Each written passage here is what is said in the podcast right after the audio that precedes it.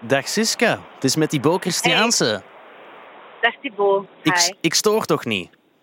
Ik zit in een auto, nee. Oké. Ah wel, ik heb eigenlijk een, ehm, een apart vraagje, om het zo te zeggen. Aha. Ik wilde Mhm. eens polsen, ik denk dat ik het antwoord eigenlijk al weet, maar ehm, hoe een grote fan jij bent van Beyoncé. Redelijk, ja. ja, ja, ja, ja. Ik ben, ben, ben wel een grote fan van Beyoncé, ja. Oké, misschien is dat wel handig, want eh, ik ben niet echt zo'n grote fan van Beyoncé. Beyoncé is voor mij toch ook nog altijd zo'n beetje, ja, eh, all the single ladies and we run the world. En daar stopt het dan voor mij. Nee. Ah, Thibautje, ik ga ruzie met je moeten maken ook. Mag dat ook in de podcast? Dat mag zeker, dat mag zeker. Ja. Dat ik al een moeilijke uitspraak. Ik slik hem even door gewoon. Ik doe alsof ik het niet gehoord heb. Thank you, Boomer.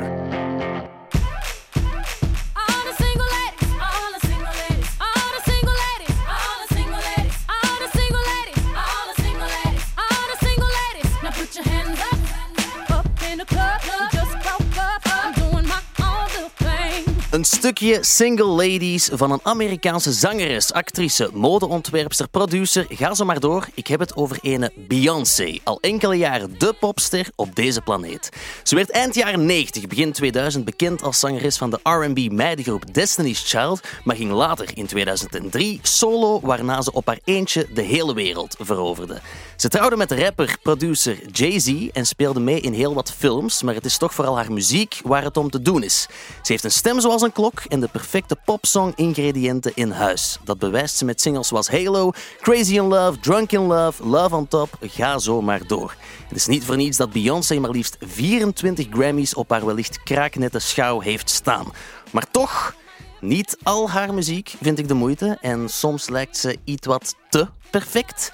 Daarom wil ik toch nog eens overtuigd worden door een echte fan. En als ik een echte fan van Beyoncé nodig heb, dan moet ik niet te lang zoeken. Vandaag de gast, radio- en televisiepresentatrice en Beyoncé-lovertje, Siska Schoeters.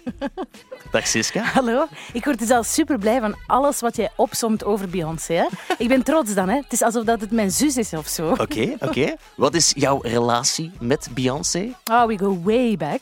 Nee, ik heb. ehm, ik ben, ik ben eh, altijd al fan geweest, ook van Destiny's Child. Ik ben nog. Ik denk dat het. Wat gaat dat geweest zijn? Dat gaat ongeveer. 2002 naar Destiny's Child in het Sportpaleis gaan kijken. En op het einde van het concert vielen er grote smileys uit de lucht. Meestal zijn dat gewoon zo snippers of zo. Of een keer een grote ballon bij Coldplay. Maar daar waren dat grote smileys. En ik ben daar buiten gekomen en ik dacht, holy shit. Die vrouwen, en zeker dan Beyoncé, want toen was het al duidelijk van, ja, Destiny's Child, ja, ja, die twee anders. Er is maar één Destiny's Child en dat is Beyoncé eigenlijk. Die, ehm, die heeft toen iets met mij gedaan. En ik denk dat het dat niet gestopt is. Er was dan een periode, dan ben ik bij Studio Brussel beginnen werken. En dan moest ik eigenlijk een, een beetje zwijgen over mijn liefde voor Beyoncé. Want was nog, toen was Studio Brussel nog heel cool. Dus dat mocht niet echt uitgesproken worden. Tot Studio Brussel ineens door had van... Het is cool om uncool te zijn. En dan mocht ik ineens wel praten over Beyoncé.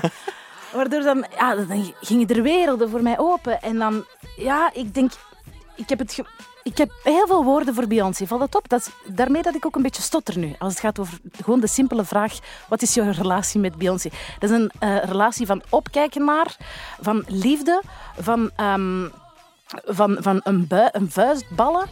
En van, ja, in mijn, in mijn bedje denken van, ik wou dat ik Beyoncé was. Ah, wel, ik moet wel toegeven, bij het verzamelen van mogelijke gasten voor deze podcast, was het nogal snel duidelijk van als we iemand nodig hebben voor een artiest die uitgesproken fan is, dan moeten we misschien Siska overwegen met Beyoncé. Ja, Mogen we jou de grootste Beyoncé-fan noemen hier? Nee, zeker niet. Zeker niet. Want bijvoorbeeld, als je vraagt naar, naar feitjes, ik weet niet dat ze 24 Grammys heeft gewo- gewonnen. Zo van die dingen weet ik niet. Ik heb mij nu wel een beetje voorbereid vandaag. Ik heb een schriftje. Oké. Met, met wat dingen en zo, omdat ik toch en dat ik, mij wil, ik wil mij wel staven. En ik wil, ik wil dat het gevoel dat ik heb, ik kan een uur praten over, ik vind ze zo fantastisch, maar daar ga jij niks aan hebben. Ehm, maar ik ben wel een, een grote fan. Ik vind niet alles wat ze heeft gedaan geniaal. Absoluut niet. Hè? De- bedoel, Er is een heel slijmerige periode geweest. En die gaan we gewoon ook even vergeten. Maar er is ook een heel grave periode geweest. En dat, dat is hetgeen wat Beyoncé dan heel cool maakt. Ben jij toevallig fan van de Beehive? Dat is iets dat ik nu geleerd heb. Ja. En de Beehive, dat is eigenlijk de vaste kern trouwe fans. Ja, ja. Of, dat ik daar lid van ben, bedoel je dan eerder of zo? Ja, of reken je jezelf tot de Beehive? Nee, nee, nee, nee, nee. Ik heb ook geen. Ik heb, ik heb één t-shirt van Beyoncé. Mhm. Ehm, omdat toch ook wel, als ze dan bijvoorbeeld naar het Koning Boudewijn Stadion kwam, ehm, dan ben ik naar de merchandise gaan kijken en dacht ik wel, ja, ik vind alles lelijk. Dus zover ga ik dan ook wel niet. Ik denk van, ik ga een lelijk t-shirt kopen. Ehm, dus ik heb er, ik heb er één. Ehm, ik ben wel ook al in Parijs gaan kijken. Dat ook wel. Dus dan, dan, dan, heb je redelijk fandom. Hè? Als, Ah, je, als je naar het buitenland gaat voor een artiest, dan... Ik vind dat dedication. Dank u. Maar ik heb wel even opgezocht van die Beehive. Wie zijn dat dan exact? Ik kende het bijvoorbeeld niet voor ik aan de research begon. Maar is dat niet zoals, zoals Lady Gaga haar, haar dingetjes heeft? Ah, wel, dan- ah, wel. Ik heb een definitie gevonden op het internet, namelijk members of the Beehive are usually women and gay men who obsess over Beyoncé to no end. Nee, nee, nee, nee, ik, ik ben er niet bij. Nee, ik ben niet diehard. Ik ben niet, je moet altijd alles kunnen relativeren. Hè. Ik, ben, ik heb nooit aan idolatrie gedaan. Eh, Nooit. Dus ik heb... Maar Beyoncé is wel een heel graaf wijf. En ik wou wel echt dat ik Beyoncé was. Als ik niet moest getrouwd zijn met Jay-Z. Dus dat wil ik liever weg. Oké, maar je bent hier wel om mij te overtuigen van de genialiteit van Beyoncé. Een uur lang. Een uur lang zagen over Beyoncé. Maar het is ook leuk, hè? We kunnen op een middagje hier wat leuteren over Beyoncé. Ik ben helemaal psyched. Hè. Oké, oké. We gaan het hebben over het werk en het leven van Beyoncé. De lyrics, ook een beetje over de live shows. Maar beginnen doen we met jouw favoriete. Want ik heb je gevraagd naar jouw favoriete Beyoncé-nummer. Ja, mag ik daar iets over zeggen? Tuurlijk. Ehm, dat verandert elke dag. Mhm. Dus dat was, op dat moment was dat mijn favoriet Beyoncé-nummer. Is heel moeilijk, maar dat is dan zo'n cliché van ik kan geen favoriet nummer kiezen, dus ik moet er dan één kiezen. En, en dan wat ik gewoon, oh, oké, vandaag kies ik dit. En wat mag het vandaag zijn? Het is een nummer uit The Lion King. En het gaat over, ja, Brown Skin Girl heel, heet het. Ik vind het een heel sexy nummer, maar het is eigenlijk ook wel een ode aan haar dochter van je bent zo mooi met je donkere huid. En ik denk dat dat een, een rode draad is door het werk van Beyoncé wel. Zo. De, de, de trots voor en over haar gemeenschap. Eens even luisteren.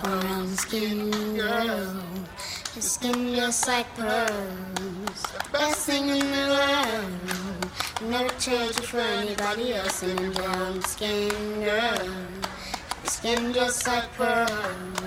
Never best thing in the world. Trade you for anybody else singing.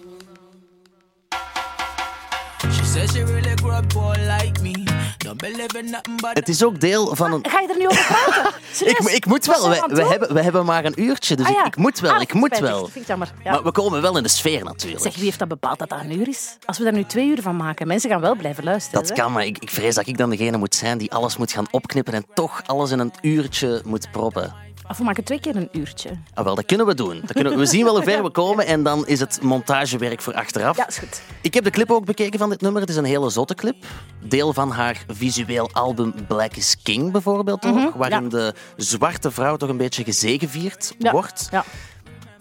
Gaat dat nog veranderen, jouw favoriete nummer? Oh, vandaag bedoel je? Ja, vandaag bijvoorbeeld al? Wat je bijvoorbeeld ook, ehm, maar dat is dan van, van langer geleden, ik dacht ook aan die Bonnie en Clyde. Dat, Mhm. Dat ken ik niet. Dat ken ik niet. Nee, maar ik, het zijn allemaal zo'n nummers die niet se... Bonnie and Clyde is een nummer dat ze samen met Jay-Z ook heeft gemaakt, met een supergrave clip ook bij. Ehm, dat nummer is bijna nooit op de radio gedraaid. Ik denk alleen tijdens de middagdraai door van 2016 tot 2019. Toevallig de periode dat ik de middagdraai door deed. En kwam dat heel veel op de radio. Ehm, en dat is bijvoorbeeld ook een heel tof nummer. Maar een Halo, altijd goed, hè? Mhm, mhm. Daar gaan we het straks nog over hebben. Ik heb je ook gevraagd naar een favoriet album. Ja. En daar staat dit nummer Brown Skin Girl wel niet op. Nee, nee omdat ik vond, ehm, als je dan denkt aan een album, de, ehm, dit, ja, dit is van die Lion King, hè, of, of van, van die, die Black is King. Ehm, en dan als je een favoriet album, dan ben ik toch bij Lemonade, Lemonade uitgekomen. Omdat dat een nummer is dat, ja, dat gaat van, van het begin, van toen ze klein was eigenlijk, vertelt van alles. Er staan heel veel coole samenwerkingen. Ten eerste ook op. Samen met, met Jack White. Kan ik jou? Dat is met die gitaar dan en zo. Ah, wel, ik ben erachter gekomen dat Jack White, ja, dat hij zich toch Je gaat niet ver- verlaagd. Nee, heeft dat is dus echt... tot de samenwerking op zo'n... Ja, ik vond Maar het ook niet hoe- zo'n goed nummer Hoe eigenlijk. oud ben je? Je bent 19 of zo. Hè? Is dat niet dat jij dan nog wat Vijf- van die, van 25 die lentes. rammelende gitaren? Dat Ja, jij nog zo wat dingen, dingen, dingen. En, je, en Weezer vind jij nog altijd gewoon jouw lievelingsgroep. Ik heb vandaag nog Weezer geluisterd. ah ja, van, oh, zo goed, zo goed. Zie je, ik wist het wel. Maar ik moet wel toegeven, ik ben de afgelopen podcast-afleveringen wel overtuigd geraakt. Veel mensen spraken me daarna van, "Hey, je vindt Tool niet goed, je vindt Bob Dylan niet goed. Maar ik ben overtuigd geraakt, dus ik ben benieuwd of dat, dat vandaag ook Maar ik ga, jou gebeuren. niet, ik, ga, ik ga niet mijn best doen om jou te overtuigen. Hè. Dat gaat van een bepaalde intelligentie blijken. Als je aan het einde van dit uur zegt van... Ah ja, oké, ik snap het wel helemaal. Dan ben je pas echt een muzikant. Als je hoort wat Beyoncé allemaal betekend heeft voor de muziek. Mhm, mhm. Maar die Lemonade, een zeer succesvol album. Ik denk twee Grammys heb ik opgezocht. Ehm, alle twaalf nummers stonden tegelijk en meteen in de Billboard Top 200. Het is blijkbaar ook het best verkopende album van 2016. Weet je waarmee dat te maken heeft volgens mij? Ze heeft dat nummer echt gewoon van de ene nacht op de andere poef gedropt. De wereld werd wakker en er was een nieuw Beyoncé-album. En niemand wist dat. En dat album ging dan ook nog eens over wat Jay-Z haar geflikt had. Ik denk, daarmee heeft het te maken. Ah wel, ah wel. En ik heb daar dingen over opgezocht, maar daar moeten we het straks over hebben. Want- Komt de reclame eerst nu? Of? Nee, de reclame Ah, nee. komt niet eerst. Ik dacht van, we moeten het misschien zo wat hebben over het, over- over het leven en de, en de stijl van Beyoncé. De sound bijvoorbeeld. Ja. Als ik jou als onwetende persoon vraag, hoe zou je de muziek van Beyoncé omschrijven? Wat zeg jij dan? Ja, ik, ik, het eerste waar ik aan denk gaat wel over een bepaalde soul. Mhm. Zelfs. Mensen, vroeger was dat dan, ging het, ze zouden, er zit een stuk R&B in, daar zit een stuk... Maar ik, voor mij voelt dat als... Ja, je, mer, je merkt toch wel dat hij het uit een- het soort van soul gegeven, uit zo de, bijna zo een, een, een gospelkoor komt of zo. Dat dat haar, haar achtergrond is. En dat hoor ik daar dan het meeste in. Of misschien zijn dat dan de nummers die ik het liefste hoor. Mhm. Ik heb ook eens opgezocht van waar ze precies komt, hoe het allemaal voor haar begonnen is. En Je dan hebt veel opgezocht, hè? Ja, ik heb veel ja, opgezocht. ik merk en dan, kwam ik bij een filmpje op YouTube van een talentenjacht. Your challenges are a young group from Houston. Welcome Beyonce, Lativia, Nina, Nikki, Kelly, and Ashley, the hip hop rapping Girls Time. One, two, one, two, check. Yeah, GT in the house with a brand new slam. Guaranteed to make you jam while you're eating your green eggs and ham. So check it out. Dit is Beyoncé nog niet, maar Nee. het is de meidengroep Girls Time. Ja. En zometeen komt de zeer jonge Beyoncé zingen.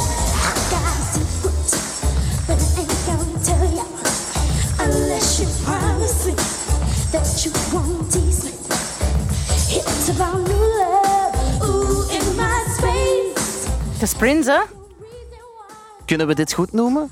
Ja, ik vind dat heel goed. Vind je dat goed? Maar dat is toch goed? Dat, dat hoor je toch gewoon. Daar zit toch een soort van... Dat is de jaren negentig. Thibaut, je was nog niet geboren toen, dus je hebt Nee, daar geen klopt. feeling mee. Dus dat is gewoon... Dat, tuurlijk, dat, dat, daar zit toch een goede groove in. En als je die hoort zingen, dan weet je toch van... Dat is, hoe oud is ze daar? Elf jaar, twaalf jaar? Ik denk zoiets. Voilà. Het is, ja, het is... Als jij nu, echt waar, al die ellendige kinderen die meedoen aan The Voice Kids... Het is voor minder dat ze zich al omdraaien, ze tegenwoordig. Dat klopt wel, dat klopt wel. Maar ja, ik wilde het toch even laten horen, omdat het deze jonge Beyoncé is die niet veel later van Girls Time, wat je nu hoort, Ja. Overschakelt naar eigenlijk dezelfde soort band met een andere naam, Destiny's namelijk Child. Destiny's Child, Ja. waar jij ook een hele grote fan van bent. Ja, wel, het ding is, Destiny's Child, ik was ook jong hè, toen, toen dat helemaal hot was. Eh, Ik, maar ik was toen al wel echt heel duidelijk. Ja, Beyoncé, dat was de dikke van de drie, hè. laat ons eerlijk zijn. Dat is wat grof, maar dat was ook voor een, een iets voller meisje als ik. En dat heeft er ook heel veel mee te maken, denk ik. Ehm, ze was een iets voller meisje. Toen ze in het Sportpaleis stond, weet ik nog dat ik haar dikke, schattige, romige billetjes zag. En dacht ik van, kijk, het is niet omdat je wat voller bent dat je geen toekomst kan hebben. Er waren ehm, de ontwerpers in de jaren negentig, de witte ontwerpers, wilden geen kostuums maken voor Destiny's Child in hun beginjaren. Omdat ze zeiden, wij willen niet voor zwarte, curvy meisjes kostuums maken. Daarmee maakte haar mama alles zelf omdat er niemand zei van ja, het is goed, we gaan jullie, jullie kleren maken. Ja, nu is dat nu natuurlijk wel anders. Iedereen wil Beyoncé kleden. Mhm. Maar ze heeft een, een, toen ook al een soort van hoop gegeven aan, aan, aan kleine dikkies. Mhm. Het, is een, het is een zeer emotioneel argument, als ik dat mag zeggen. Ja, De maar alles is emo muziek is emotie. Tuurlijk, Thibaut? Moet ik jou niet vertellen. Hè? Maar wat vind je van de muziek zelf van Destiny's Child? Sommige, is goed, sommige zijn goed, sommige zijn heel slecht. Want ja, ik heb jou ook gevraagd naar het meest carrière-definiërende werk van Beyoncé. Ja. En dat was een zeer bekend nummer van Destiny's Child. I'm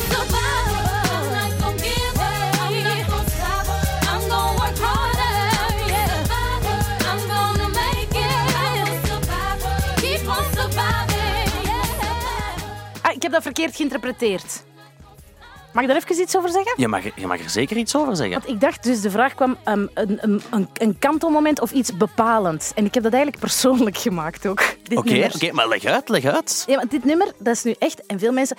Ik heb dat al eens gezegd. Zo. Ik had een humo-interview. Welk nummer heeft jou ooit hè, ehm, ja, ergens doorgehaald? En ik zou echt heel graag zeggen, want dat is een nummer van Bob Dylan geweest. Of het is een nummer van Neil Young geweest. En, eh, maar nee, bij mij is dat gewoon echt dit nummer van Destiny's Child. Survivor. Ik had een klootzak van een lief. Maar echt een klootzak. En ik raakte er niet over. Het was eigenlijk mijn eerste echte lief. En ik heb toen heel veel naar dit nummer geluisterd. Op mijn klein, wat is het dan, zo een soort van boomboxje op mijn kot. Dus ik, was, ik was wel al 19 jaar. Ehm, en dat heeft wel echt zo, ik ga niet opgeven en ik ga harder werken, want jij bent een debiel. En jij snapt er nu echt eens niks van.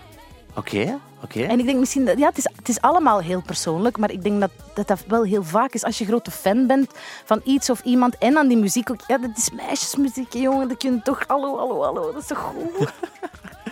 Het is wel, als ik dit nummer hoor, dan moet ik altijd terugdenken aan de tijd. Ja, de tijd, dat klinkt al heel Dat jij drie was. nostalgisch. Ja, maar zo, zo de, de clips op TMF en Jim TV, zo wat de foute videoclips. Ah ja, tuurlijk. Het was helemaal fout. Maar ze lachten er ook, ook mee. Boetelicious bijvoorbeeld, waren Ja. ze verkleed in een soort van roze tutterfruit. Of het scheelde niet veel. Zij zijn ook de eerste die dat ook echt benoemden. Ze, ze benoemden het ook. Ze stond met haar gat te zwieren en ze zei ook... I don't think you're ready for this jelly. I don't-" En dan stond ze gewoon zo van... Ja, ik heb een dik gat en fuck you. Ze waren er helemaal over. Ze waren verkleed in een soort van ja, roze roomtaart helemaal. En ook die clip zo erover, maar ze weten het ook wel. Ze heeft, er zit ook humor in. Echt waar? D- dat wist ik wel echt niet, dat er ook met humor gespeeld werd bij Destiny's Child of Beyoncé zelf. Maar meen je dat nu? Ja, ik, ik, ik vond dit zo wat precies eh, veel te, veel te serieus. nee, als je er nu echt naar kijkt, dan zie je gewoon dat ze er ook, dat ze er ook echt wel wat mee lachen. Hè? Oké, oké. Maar ik ben blij dat jij het zegt. Wat ik jou ook wil laten horen is een, ehm, een versie van dit nummer, maar dan in een Bardcore versie. Ken je dat, Bardcore? Nee? ah, wel, ik ga het je laten horen. Ja, maar je kunt alles kapot maken, hè, Thibaut.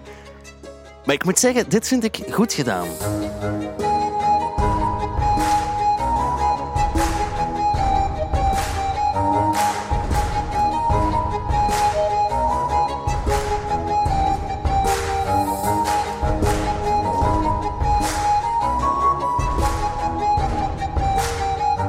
Bardcore is eigenlijk zowat de, de midden, vermiddeleeuwse ring, als dat het juiste woord is, Ah, van, van moderne muziek. Dus het is Survivor met ja, een lier of met een fluit. Ja, ja, ja. En dan denk ik, god, dat klinkt toch al wat, wat, wat... Vind je dat beter? Ik vind dit beter, ja. Je bent een oude ziel in een jong lichaam gewoon. Misschien wel, misschien wel. Zou dat gewoon zijn? Mensen zouden het me niet aangeven, maar dit vind ik dan goed gedaan. Om het over Beyoncé covers te hebben, wil ik ook heel graag jouw mening als grote Beyoncé-fan weten over deze versie van Single Ladies.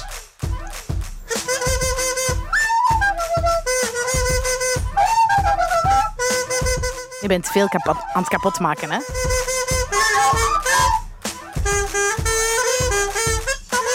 Is dat uw, ehm, uw tweelingbroer of zo, die ze een blokfluit hebben gegeven? Of... Een fluitversie van Single Ladies. Ik vind het minder goed, als dat de vraag is. Ik vind het minder goed. Ik vind het origineel beter. Ik ga je wel toegeven dat ik dit ook minder goed vind, maar wat ik wel heb ontdekt op het internet is dat er ook een hele goede happy, happy hardcore versie is van dit nummer. Ik heb het stiller gezet, maar daar worden we allemaal Ik niet zo vrolijk van. clusterhoofdpijn, Thibaut, van uw muziek. Maar misschien dat de happy hardcore versie je kan overtuigen. Me kan bekoren, ja. Ik voel het, ik voel het. Dat gaat mijn ontploffing zijn, hè? Ik ga misschien een beetje moeten doorspoelen, maar het is wat de Paul Elstak versie van Beyoncé. Oké, oké, oké.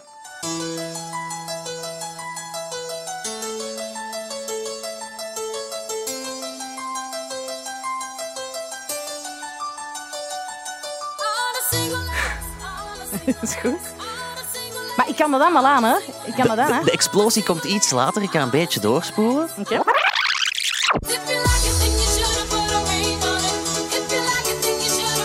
Hier gaat hem, hier gaat hem. Tent 5. Maar ik zou zot worden, hè? Ik zou er echt blij van worden ook, hè? Niet voor het muzikale, maar gewoon voor de naam. Amai. Ja, hoor. Het komt, het komt, het Oké, Ik komt. voel het, ja.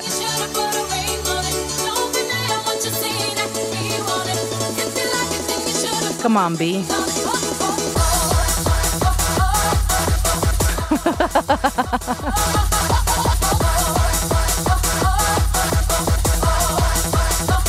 Wat, mijn punt dat ik wil maken is, wat vind je van Beyoncé-covers? Kan iemand haar nummers in een beter jasje steken? Nee, nee, sowieso niet, maar je mag wel proberen. Het is zoals eh, bijvoorbeeld ehm, een Ryan Adams die dan Taylor Swift doet en daar een hele plaat vol mee zaagt. Allemaal goed, maar dat kan een keer voor één nummer tof zijn, maar probeer het gewoon niet te vaak. Je moet het ook, er is niemand die kan zingen zoals Beyoncé. Er is niemand die eruit ziet zoals Beyoncé. En er is niemand die zo mooie tanden heeft als Beyoncé. Het zijn Oké. die tanden. Ik denk dat het die tanden zijn waar ik een beetje verliefd op ben. De tanden. Het is echt mooie Is dat, is tanden. dat het een argument dat je wil bovenhalen? De tanden van Beyoncé? Mogen je artiesten zijn. Mag dat niet? Jawel, ik mag er wel eens bovenaan. hè? Alles, Ja. alles. Zeer goede tanden toch, Thibaut. Toch zeer goede tanden. Als ze zo opkomt en heel veel blazers op haar. hè.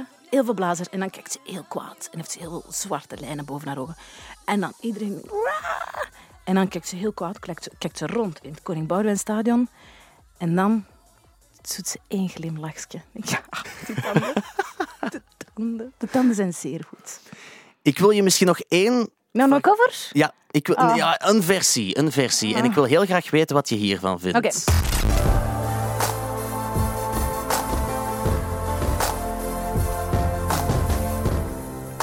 Remember those walls I built? Well, baby, they're tumbling down. And they didn't even put up a fight. They didn't even make a sound. Het is een versie van het nummer Halo. Ja. Wat vind je ervan? Zeg jij dat? Nee, nee, nee. nee, nee. Maar nee. Nee, nee. Ik, ik vind het niet goed. Ik vind het niet zo, ik vind het niet zo, ik vind niet zo heel... Ik, maar bon, die Halo, dat is ook... Ik ga je iets moeten opbiechten. Ja, zeg eens. Siska, dit is Ryan Tedder, Ja, wie is dat? de zanger van de band One Republic en een zeer bekende record producer. Ja? En hij is de schrijver van het nummer Halo. Maar je mag dat hebben geschreven, maar het wil niet zeggen dat je het beter kan performen. Oké, oké. Dat is helemaal prima, hè? Dat, dat vind ik helemaal goed. Maar, sorry, dat is echt heel slecht gezongen. Hè? Dat is echt heel vals, Thibaut. Jij bent een muzikant, dat hoor jij nu toch ook? Maar ik wil maar zeggen, denk jij dat Beyoncé haar nummer zelf schrijft? Ik Want dit is Halo, geschreven door ene Ryan Tedder. Kijk, denk jij dat ik mijn teksten voor de radio zelf schrijf? denk jij vanaf dat je een grote ster zei, dat je nog iets zelf doet? Nee, natuurlijk, ik denk dat ze helpt wel. En ik geloof wel dat ze aanzetten geeft. Maar je kan nooit zo groot worden en al dat talent zelf hebben. Daarover gaat het. Het gaat over je goed omringen met mensen. Eén iemand die heel groot is, daar staat een team achter van heel veel mensen die zeggen van dat is heel slim om te doen, dat is heel slim, dat is heel slim. En dat maakt dat jij zo groot en groot wordt. En ze zal die zeker niet allemaal schrijven, maar ik geloof wel dat ze zegt, ik wil het daarover hebben. Ik wil het daarover hebben. Is het geen idee als we dat een beetje meer zo doen of een beetje meer zo? Maar ik geloof zeker dat ze die nummers niet zelf schrijft.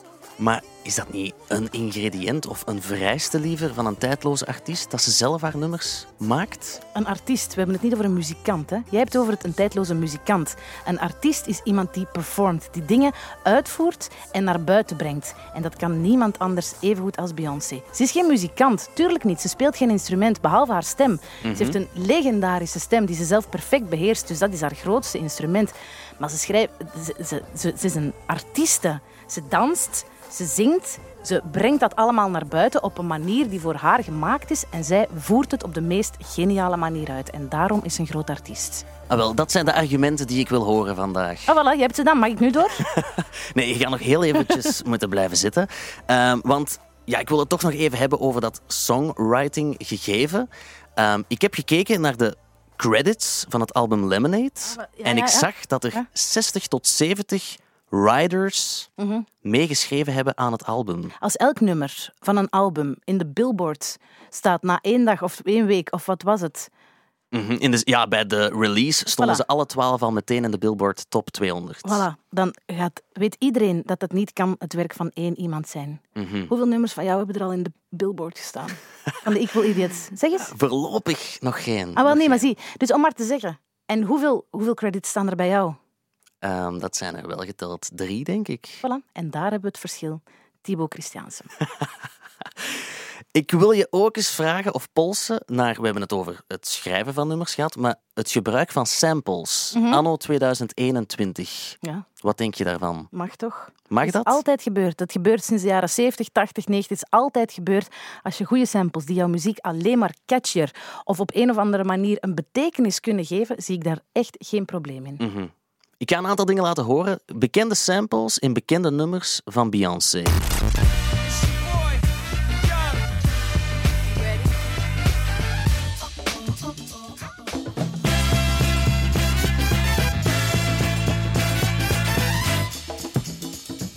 Het is het nummer Crazy in Love van Beyoncé en de sample is van The Childlights.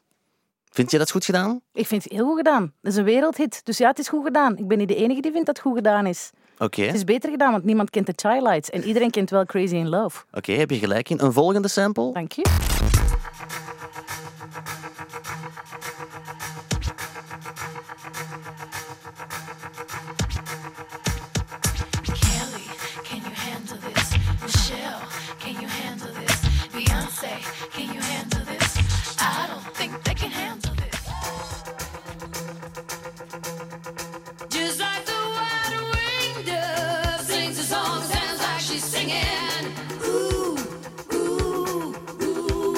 Bootylicious van Destiny's Child Mhm. vergeleken met Edge of 17 van Stevie Nicks. Mhm.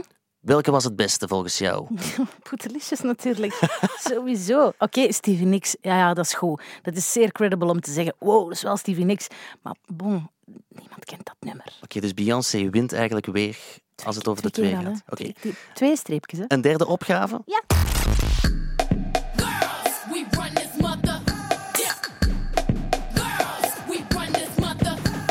コマコマコマコマコマコマコマコマコマコマコマ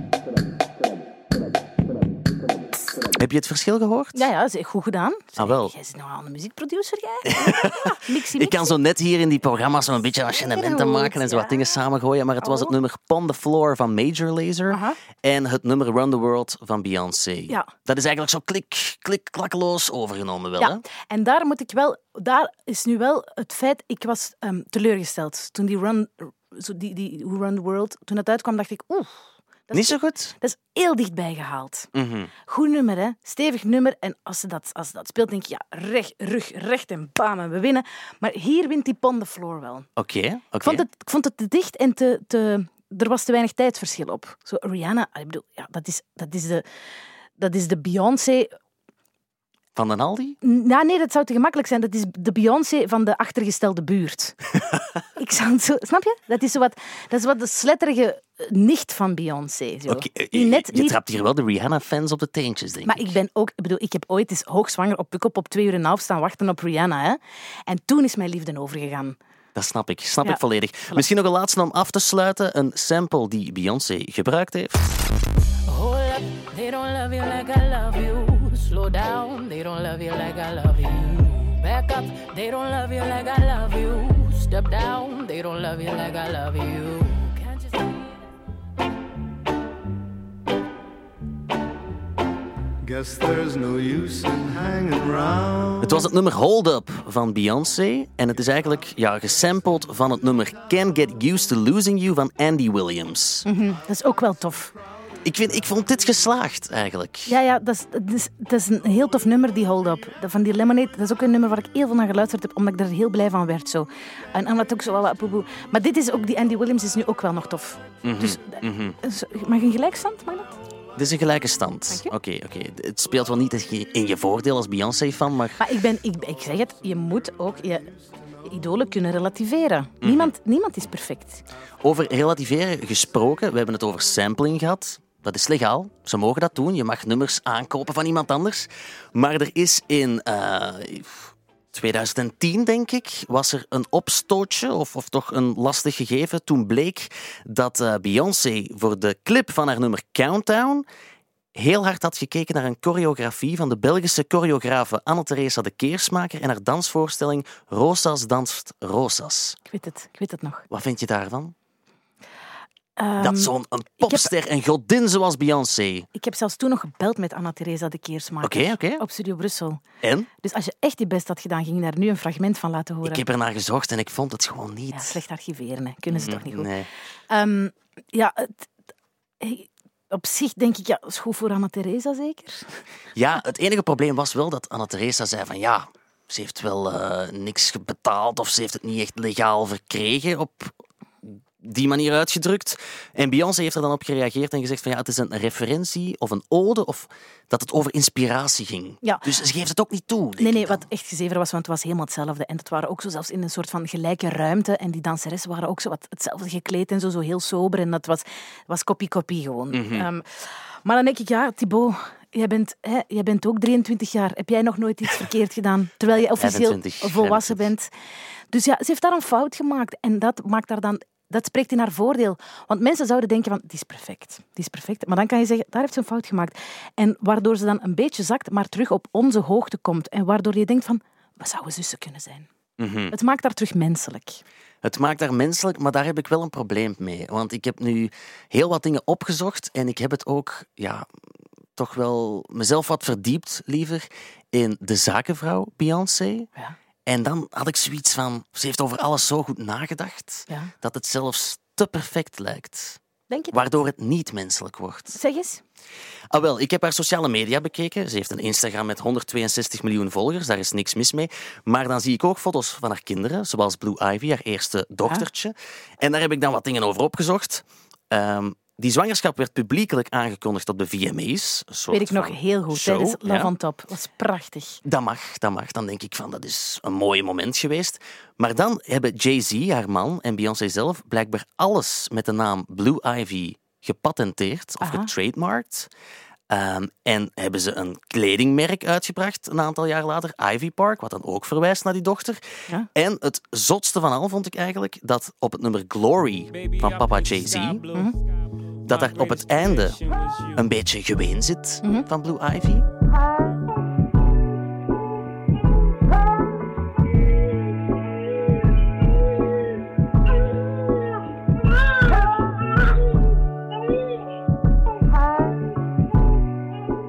Die single is uitgebracht de dag na de geboorte. Mhm. En omdat Jay-Z zegt van het is featuring Blue Ivy, gewoon wat babygehuil, Mhm. Ja.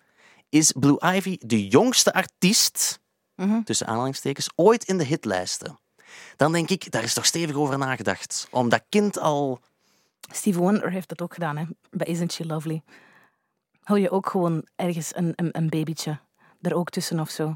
Maar zegt hij dan featuring dochter Stevie Wonder? Maar maakt toch niet uit, het is 2021. Mhm. Ik heb ook samen met een kledingmerk... Heb je ooit gedacht, Francisca, dat is een soort van sell-out die haar, haar, haar populariteit, haar immense populariteit, uitbuit om iets zakelijks te doen? Die, de, de reden waarom... Ik ga mezelf niet vergelijken met Beyoncé. Wat zo zou heel raar zijn. Maar je hebt wel het gevoel van... Ja, maar als je denkt van, ik wil graag kleren uitbrengen. Ah ja, tuurlijk, waarom zou ik dan niet de naam van mijn dochter daarvoor gebruiken? Als je weet van, ja, ik ga daar nog meer geld mee verdienen of dat is een goede manier. Dat spreekt mensen aan. Mensen zijn fan van die dochter. Dus dan moet je die niet krampachtig wegsteken. Hoe harder dat je iets probeert weg, weg te steken voor de mensen, als je die niet zou tonen bijvoorbeeld, dan gaan mensen daar veel harder en op een nare manier achter zitten dan wanneer je het zelf helemaal goed onder controle houdt. En als je zegt van, ik gebruik mijn dochter Blue Ivy daarvoor, daarvoor en daarvoor, gebruiken is een, is een gemeen woord. Maar dat je wel zegt van, ik, ik ga ze daarmee meenemen, daarmee en daarmee. En voor de rest, ja, die is, die is even oud als mijn zoon, die Blue Ivy, die is negen jaar. Die gaat zeker ook gewoon in de tuin spelen onder een waterspuit. Hè. Dat zal dan een gouden waterspuit zijn. Dat zal niet ge- geen Gardena zijn. Waar de cola uitkomt of zoiets. ja, champagne. Kinderchampagne. Ehm, maar dus, ik, ik, ik vind dat, dat, is, dat hoort erbij als je een ster bent. Wij zijn dat gewoon niet gewoon. Mhm. Wij, er wordt altijd neergekeken bij ons op alles wat te maken heeft met geld verdienen, want vanaf dan ben je slecht. Of ehm, bijvoorbeeld, waarom wordt, doet iedereen altijd zo mottig over Gert Verhulst gewoon? Omdat in Vlamingen kunnen iemand dat niet gunnen. En ja, Beyoncé die is kakkerijk en die, die gaat nooit weten hoeveel geld dat ze heeft. Dus laat dit nu toch doen. Dat maakt toch niet uit. Dat is een deel van de droom. De droom die Beyoncé is. En daarom kan je er ook naar opkijken. Als ze zo'n dingen niet zou doen, zou je denken van, ja, wa- wat, wat stelt dat dan voor? Tuurlijk, veel me- ik heb niks, niks van Ivy Park. Ik ga haar collectie van Adidas, ik ga daar niks van kopen of zo. Dat, dat, zo, zo ver ga ik niet. Maar ik kan me wel voorstellen dat er heel veel jonge meisjes, heel veel jonge zwarte meisjes zijn, die zeggen van als ik een broek aandoe van Ivy Park, waar mijn dikke reet heel erg goed in past, dan voel ik mij een beetje Beyoncé. En kijk, als mijn rug dan een beetje rechter komt en ik mij wat sterker in mijn schoenen voel, is toch de max? Mhm, mhm. Oké, dat is het Blue Ivy gegeven. Nog een ander dingetje dat ik wil opwerpen is het album Lemonade. We hebben het er straks al kort even over gehad. Blijkbaar staat het overspel van Jay-Z. Ja. Jay-Z, de lompe kloot die Beyoncé ooit heeft bedrogen. Ja. Dat staat daar zowat in centraal. Nee, dat is niet waar. Dat is niet waar. Dat, Niet waar? Nee, Niet waar? Niet niet waar. Nee, nee. Lemonade is een, is een levensverhaal. Sorry. Oké, oké. even corrigeren. Corrigeer mij maar, tuurlijk. Die Sorry gaat daar bijvoorbeeld over. En Mhm. het gaat daar wel over dat nummer. En dat is ook een kantelpunt geweest, natuurlijk.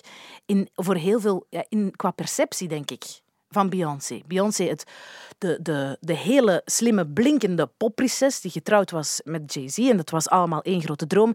Knal, die droom kapot. Maar dan maakt ze daar gewoon echt een heel erg goede plaat over. Waardoor dat ze bewijst van, ik kan dat ook wel gewoon alleen. Ik heb die niet per se naast mij. En ook waar ze ook gewoon echt zegt van, middelvinger in de lucht en nog eens en nog eens en nog eens en nog eens. En you'd better call Becky with the good hair. Zo, en nu gaan we gewoon lekker verder en ga ik een ander nummer zingen. Over Oké. een zandkasteel of zo. Oké, Want ik las dan wel zo artikels van, ja, het is allemaal zo beredeneerd. Ze laten nooit iets vrij, of ze geven nooit iets vrij liever over hun privéleven. Maar plots zingt ze dan toch over het overspel van Jay-Z. Het is een marketing stunt, las ik. Maar wat moeten ze ervan maken? Er is een filmpje uitgekomen waarin ze echt Jay-Z meppen aan het geven is in een lift. Dat was haar zus, hè? Haar zus, Haar zus, juist, eh, dus haar zus is Jay-Z meppen aan het geven in een lift. Mhm. Dus wat moeten ze er dan van maken? Ja, ze moeten er iets mee doen. Dus kunnen ze het ook maar beter gewoon zelf helemaal controleren.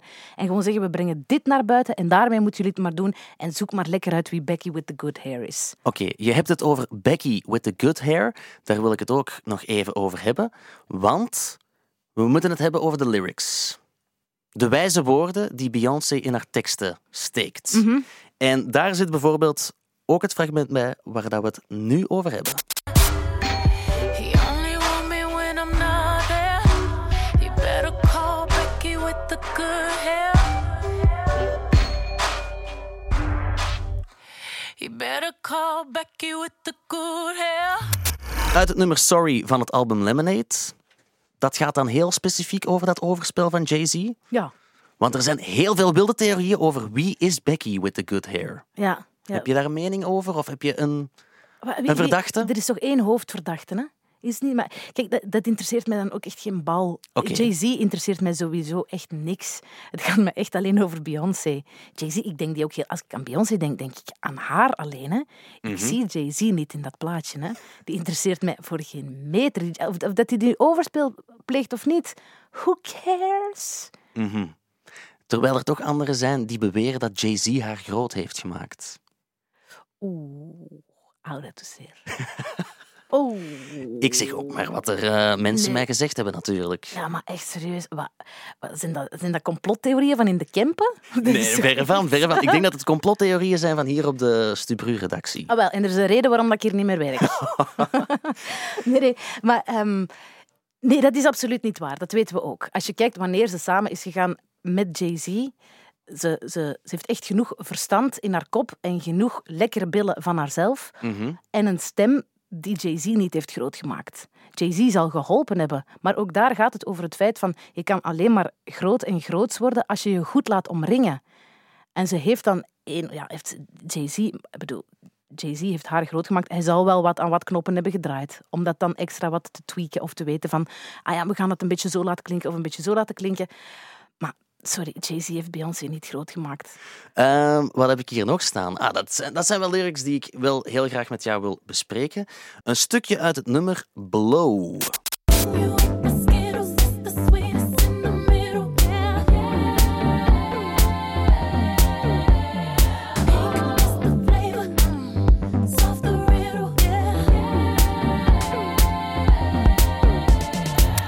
Weet je toevallig over wat het nummer gaat? Nee, ik heb dat ook nog nooit gehoord. Ah wel, de tekst is Can you lick my Skittles? That's the sweetest in the middle.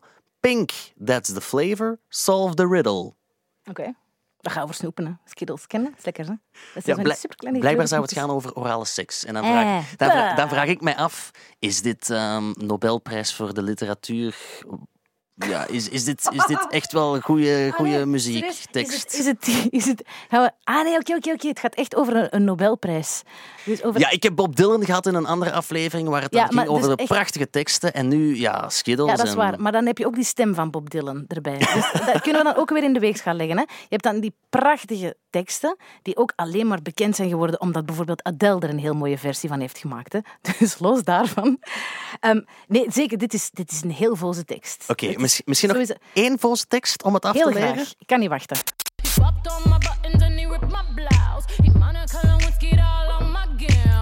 He bucked all my buttons, he ripped my blouse, he Monica Lewinsky'd on my gown. No. Ja, ze heeft ook We were all night drunk in love, drunk in love, drunk in love, in the kitchen and drunk in love, drunk in love. denk ik, ja, goed. Maar sta jij zo'n teksten mee te brullen als je live naar Beyoncé gaat Maar nee, kijken? want ik versta ook niet wat hij zingt, hè. ik ken alleen gewoon de, de, de, de refreinen, hè. Dus ik... Natuurlijk niet. Ik doe gewoon wat ik doe en wat iedereen doet en daarover gaat het. Het gaat niet dat je die tekst van voor tot achter meebrult. Het gaat erover dat je denkt, holy shit, ze inspireert mij. Ze komt op voor iets, ze staat daar zo hard achter en ze gebruikt heel haar prachtige lichaam, in welke vorm het ook is, of dat ze nu net twee kinderen heeft gekregen tegelijkertijd of één kind, of dat ze net veel te mager is voor haar doen, want ze heeft brede heupen en ze moet die niet verstoppen. Het gaat erover dat ze jonge meisjes, welke kleur dan ook, welk ras, van waar ze ook komen, hoe ze er ook uitzien, wat ze ook geloven, dat ze die inspireert. En dat als je buiten komt uit een Koning Boudewijnstadion, en of je nu 34 en hoogzwanger bent, of 12, je denkt van, ik ben een meisje en ik ben er heel erg trots op. En daarover gaat het bij Beyoncé. En dat er niemand anders is die dat kan doen. Je hebt al een aantal keer aangehaald dat ze een performance artiest is. Ja. Dus je moet het live meegemaakt hebben om het volledig te kunnen begrijpen. Ik ben jammer genoeg nog nooit naar een Beyoncé-concert geweest. Thibaut, over wat spreekt jij nu toch eigenlijk? Dat is toch niet te doen? Maar jij hebt Beyoncé wel al een aantal keer gezien. Ja, ja, ja, ja. Ik ehm, in, in eh, dus Destiny's Child dan in het Sportpaleis, maar dat is lang geleden. En dan ben ik een keer naar Parijs geweest. En dat was toen het moment dat dat ging over toen die mega rel er tussen hen, hun twee was. Is- dat was in het Stade de France. Gigantisch. En dan komt Jay-Z op een gegeven moment op en dan geven ze elkaar zo ook een heel gereserveerd kusje. En iedereen, wauw, alles is goed. Dan denken ze, nee, alles is zeker niet goed. Ehm, en dan eh, in het Koning Boudewijnstadion. Ja, vier jaar geleden. Het is een experience, Beyoncé live. Het is, dat is wel... Allee, ik, ben, ik vind heel erg dat ik Prince nooit heb gezien. Ik vind heel erg dat ik Bob Dylan nooit zal zien. Ehm, maar ik ben wel echt heel blij dat ik Beyoncé al een paar keer heb gezien. En ik, als ze komt, ik, ik koop echt de allerduurste kaarten. Sowieso. Ja, echt? Maar daar geef ik heel veel geld aan. Want is dat dan, het, als ik vraag wat is het beste dat je ooit live gezien hebt in je leven, is dan Beyoncé ook het antwoord? Nee, want als het gaat over een live concert, dat heeft dan te maken met de, de, de tijd en de plaats in je leven waar je op dat moment bent. Oké. Je kan evengoed een, een...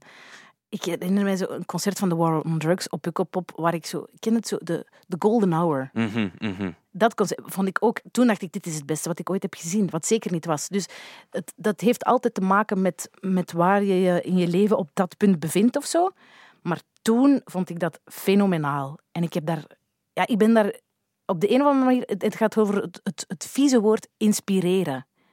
Maar wat je wel moet hebben als het gaat over, over iets waar je graag naar luistert of waar je graag naar kijkt. En vind ik alles goed wat ze doet? Absoluut niet. Zo, die dingen die je mij net liet horen. Er is echt ook een slijmerige periode dat ze heel de tijd vol met kralen hing en diamanten en dat ze een soort van plastieke pop was. Dan dacht ik, ja, laat het maar. Maar dan kwam die lemonade en dan stak ze echt gewoon haar twee middelvingers recht in de lucht. En dacht ik, ah, nu zijn we terug vriendinnen. Dus ik ben daar even kwijt geweest, maar onze wegen zijn terug wel gekruist. Ik heb jou ook gevraagd naar het beste live concert van Beyoncé. Ja. En je gaf toen haar twee concerten op het festival Coachella door. Coachella, you ready? Let's go get 'em.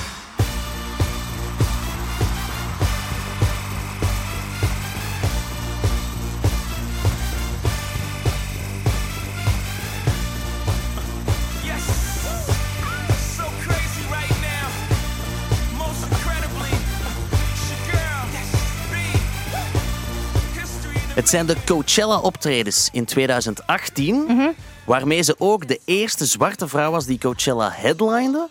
En het werd dan ook wel Beachella genoemd. Ja. Waarom exact die optredens? Voor jou dan? Ehm, vlak daarna, de week daarna of zo, is er dan die Homecoming uitgekomen. Een Ja, ja. dvd, de, de combinatie van die twee. Heb je gekeken? Ik heb gekeken, speciaal voor dit gesprek.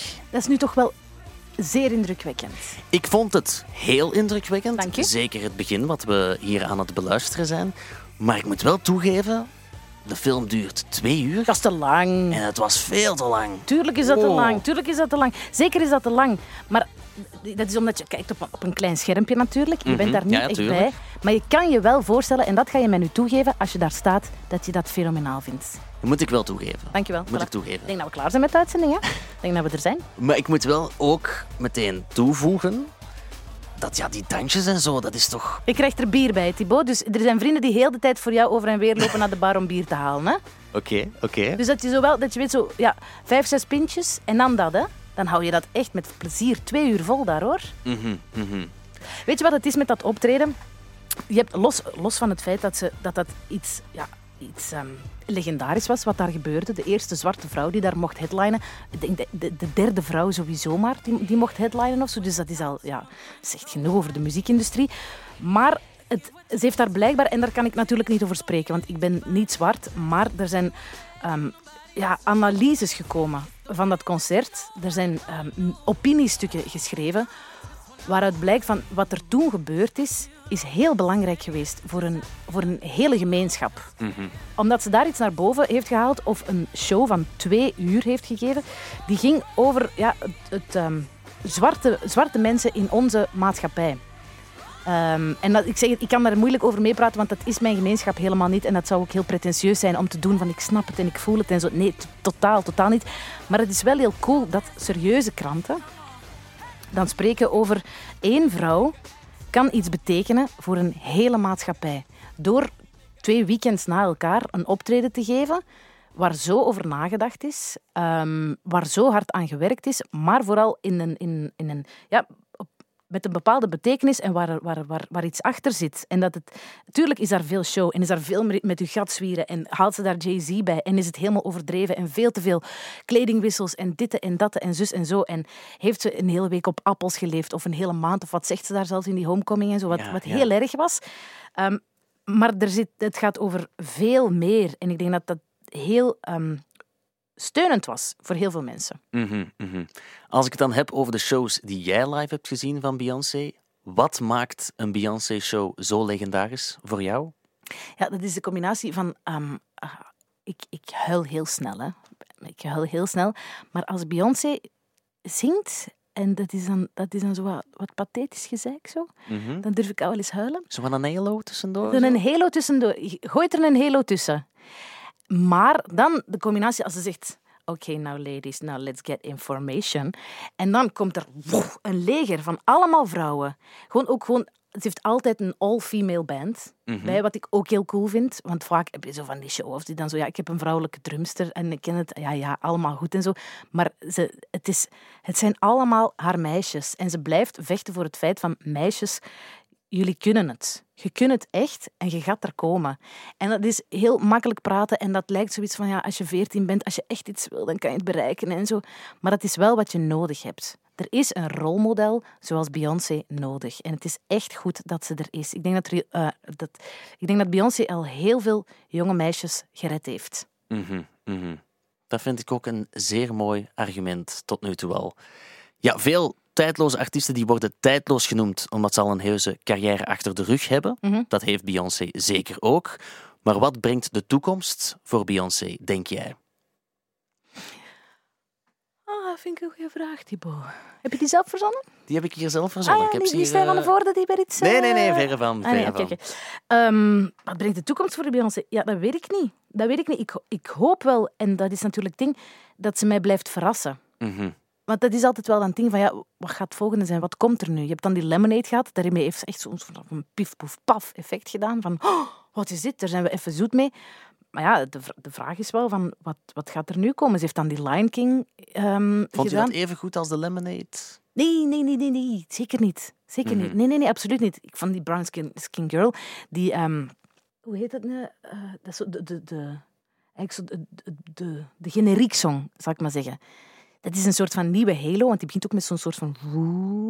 En die is ook heel erg vol. Mhm. Maar al de rest oh, moest nu niet per se. Moest niet, snap je? Dus ja, ze heeft dan die Lion King gedaan, tralala.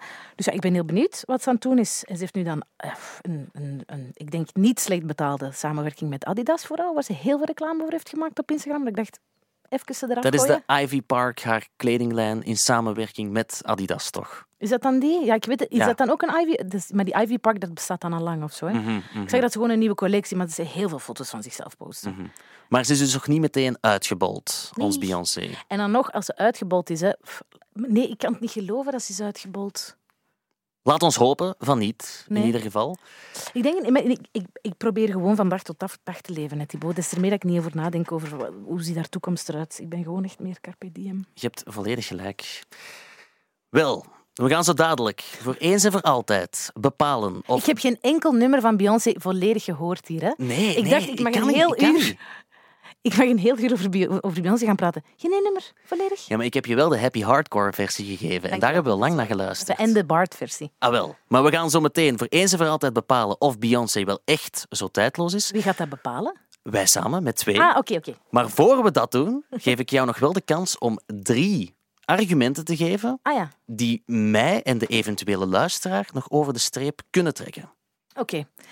Ik denk dat Beyoncé ten eerste heel erg belangrijk is voor de zwarte maatschappij. Op de dag van vandaag in 2021. En dat ze daar ook echt iets voor betekent en hen kan ehm, helpen om eh, respect te krijgen, maar ook om ehm, zelf sterk in hun schoenen te staan. Weg van dat eh, onderdrukte gevoel te komen en die rug te rechten. Ik denk dat Beyoncé heel belangrijk is voor alle vrouwen ter wereld. Als het gaat over feminisme, is nog elke dag nodig in 2021. En ook al elke vrouw die zegt in 2021 ik ben geen feminist, die verdient een klets. Dat is, ik ben niet agressief, ik ga dat ook nooit doen. Maar kijk, er is nog heel veel werk aan de winkel en ook daarvoor hebben we vrouwen nodig, ehm, zoals Beyoncé, die zeggen van sorry, maar wie leidt er de wereld? Girls. Sowieso. En er is echt niemand die zo mooie tanden heeft als Beyoncé. Dus de tanden is het derde argument. Ja, maar dat is gewoon het uiterlijk in het algemeen. Maar ik heb dat wel op de laatste plaats gezet, Thibaut. Is het jou opgevallen? Omdat ik toch meer voor de inhoud ben. Mhm. Nee, nee, serieus. Dat is wel die stem en die looks tezamen.